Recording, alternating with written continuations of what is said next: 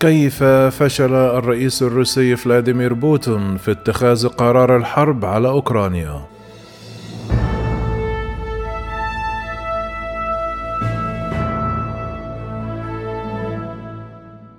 بعد أن فشل في تحقيق نصر سريع في أوكرانيا وبينما كلفه الغزو مقتل نحو خمسة عشر ألف روسي وهو نفس العدد تقريبا الذي فقده الاتحاد السوفيتي في حملته التي استمرت تسع سنوات في أفغانستان. ثبت أن قرار الرئيس الروسي فلاديمير بوتين بغزو أوكرانيا خطأ استراتيجي وفقا لتحليل مجلة Foreign Affairs وتضرر الاقتصاد الروسي من جراء العقوبات الدولية التي استهدفته بعدما ضرب عرض الحائط مطالبات المجتمع الدولي بعدم غزو جارته الشرقية. في غضون ذلك تتردد أصداء دعوات من منظمات حقوقية عديدة لمحاكمة بوتين كمجرم حرب بينما لم يكن هو بوتين يتوقع أيا من ردود الأفعال هاته عندما قرر الهجوم على أوكرانيا في الرابع والعشرون من فبراير المنصرم. التحليل يرى أنه بالغ في تقدير القوة العسكرية الروسية وقلل من شأن المقاومة الأوكرانية ولكن بنفس القدر كانت قراءاته لردود فعل الغرب خاطئة. يقول التقرير أن السبب وراء ذلك هو تجربته الشخصية الطويلة بداية من الاستجابة الدولية الضعيفة لحروب روسيا في الشيشان وجورجيا وضمه لشبه جزيرة القرم في عام 2014 كما أنه ربما توقع أن الموقف من غزوه سيقسم الولايات المتحدة وحلفائها الأوروبيين وبالتالي يحقق هو نصرا استراتيجيا وينصب حكومة موالية له في كييف. التحليل قال في الصدد لو فهم بوتون بشكل أفضل كيفية استجابة الديمقراطيات الغربية للتهديدات الحيوية لأمنها لكان قد فهم سبب خطأ افتراضاته. وبالرغم من أن أحد الدروس المستفادة من القرن الماضي هو أن الديمقراطيات الغربية تجاهلت كثيرا التهديدات الأمنية الناشئة كما فعل الكثير منها في الفترة التي سبقت الحربين العالميتين والحرب الكورية وهجمات الحادي عشر من سبتمبر. كما قال الدبلوماسي والمؤرخ الأمريكي جورج كينان ذات مرة فإن الديمقراطيات تشبه وحش ما قبل التاريخ غير مكترث بما يحدث من حوله لدرجة أنه عليك عمليا أن تضرب ذيله لإدراك أن مصالحه مضطربة لكن الدرس الذي لا يقل أهمية عن القرن الماضي حسب كنان هو أنه عندما تضرب ذيولها بقوة كافية تتفاعل الديمقراطيات الغربية بسرعة وتصميم وقوة.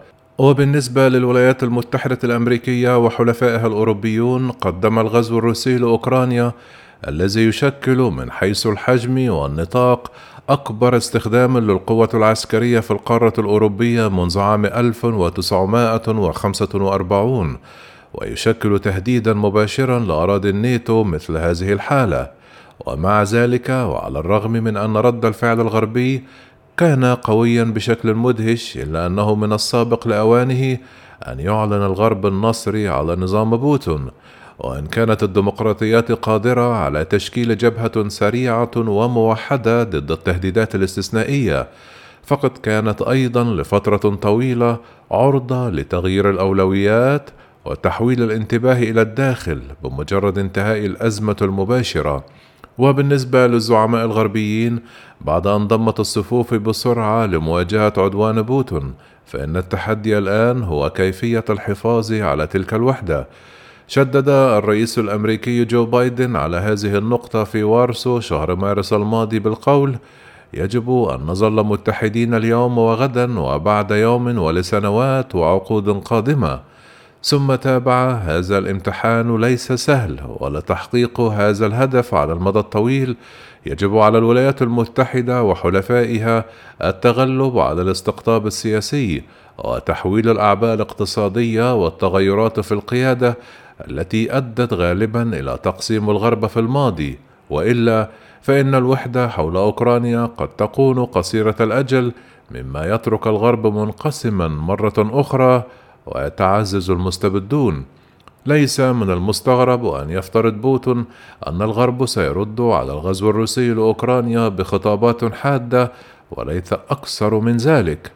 ففي عام 2008 عندما أرسل بوتين القوات الروسية لتقسيم جورجيا سارع الرئيس الفرنسي نيكولا ساراكوزي للتفاوض على وقف إطلاق النيران الذي أبقى المكاسب الروسية في مكانها في حين رفضت الولايات المتحدة والدول الأوروبية الأخرى دعم استيائها الرسمي حتى بعقوبات رمزية.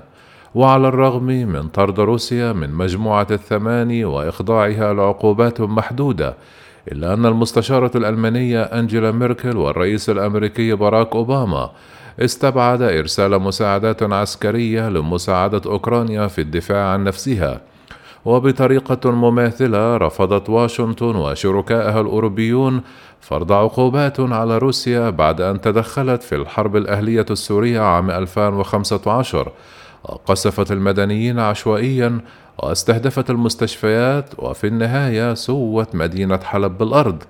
وفي السنوات الأخيرة أدت محاولات اغتيال معارض بوتون في الداخل والخارج. بغازات تستهدف الأعصاب إلى فرض عقوبات محدودة النطاق وطرد بعض الدبلوماسيين الروس من الدول الغربية. وعندما تدخلت روسيا في الانتخابات الرئاسية الأمريكية لعام 2016 انتقدت الديمقراطيات وسائل الإعلام الكرملين لكنها لم تفعل شيئا آخر. كان سلوك القادة الأوروبيين في الأشهر التي سبقت الهجوم على أوكرانيا يشير إلى أن الغرب من المرجح أن يتمسك بهذا النمط حيث رفض العديد من القادة الأوروبيين الأدلة التي قدمتها الحكومتان الأمريكية والبريطانية حول غزو وشيك وافترضوا أن الرئيس الروسي بوتون كان يحشد القوات بالقرب من أوكرانيا فقط للضغط على التفاوض بشأن ترتيبات أمنية جديدة فقط. سافر العديد منهم إلى موسكو سعيا منهم لعقد صفقة بينما كانت الحكومة الألمانية على وجه الخصوص تتراجع عن احتمال الرد بقوة على عدوان بوتين المتصاعد وعرقلت محاولات تنشيط قوة الرد التابعة لحلف شمال الأطلسي ورفض السماح لحلفاء الناتو بإرسال معدات فتاكة من أصل ألماني إلى أوكرانيا. عززت هذه التطورات اقتناع بوتين بأن الغرب كان قوة مشتتة لكن بدل من ذلك بدأ الغرب بعد هجومه على أوكرانيا نهاية فبراير المنصرم أكثر وحدة وهو ما يشير إلى خطأ تقدير بوتين القاتل. ففي غضون أيام من الغزو وحدت الولايات المتحدة وحلفائها قواهم لفرض نظام عقوبات شامل على روسيا مما يجعلها الدولة الأكثر معاقبة في العالم. ومنعت البنوك الروسية من استخدام آلية تحويل الأموال سويفت وتم تجميد احتياطيات البنك المركزي الروسي في الدول الأجنبية. وتم حظر صادرات التقنيات الحيوية مما أثر على 50% من واردات التكنولوجيا الروسية وعشرون بالمائة من جميع الواردات. كما تمت معاقبة الرئيس الروسي بوتون وكبار المسؤولين في إدارته ومجموعة من الأوليغارشيا الروسية ومصادرة أصولهم. ومنعت الطائرات الروسية من دخول المجال الجوي لثلاثة وثلاثون دولة بينما علقت ألمانيا خط نورد ستريم اثنان وقطعت الولايات المتحدة ودول أخرى وارداتها من النفط الروسي وتحرك الاتحاد الأوروبي لتقليل اعتماده على الطاقة الروسية.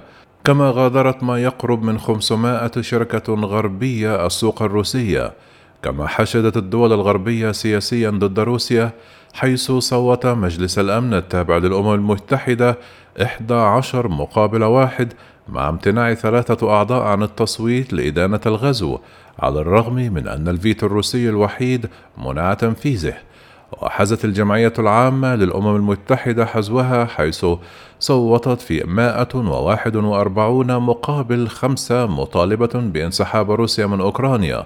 وأمرت محكمة العدل الدولية روسيا بوقف جميع العمليات العسكرية في أوكرانيا.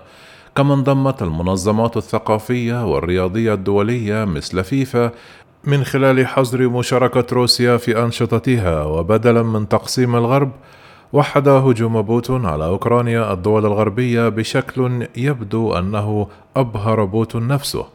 كان الرد العسكري الغربي مثيرا للإعجاب أيضا فبدلا من سحب القوات من أوروبا الشرقية كما طالب بوتين ضاعف الناتو وجوده القتالي في المنطقة ونشط قوة الرد الخاصة به ووضع أربعون ألف جندي تحت قيادته.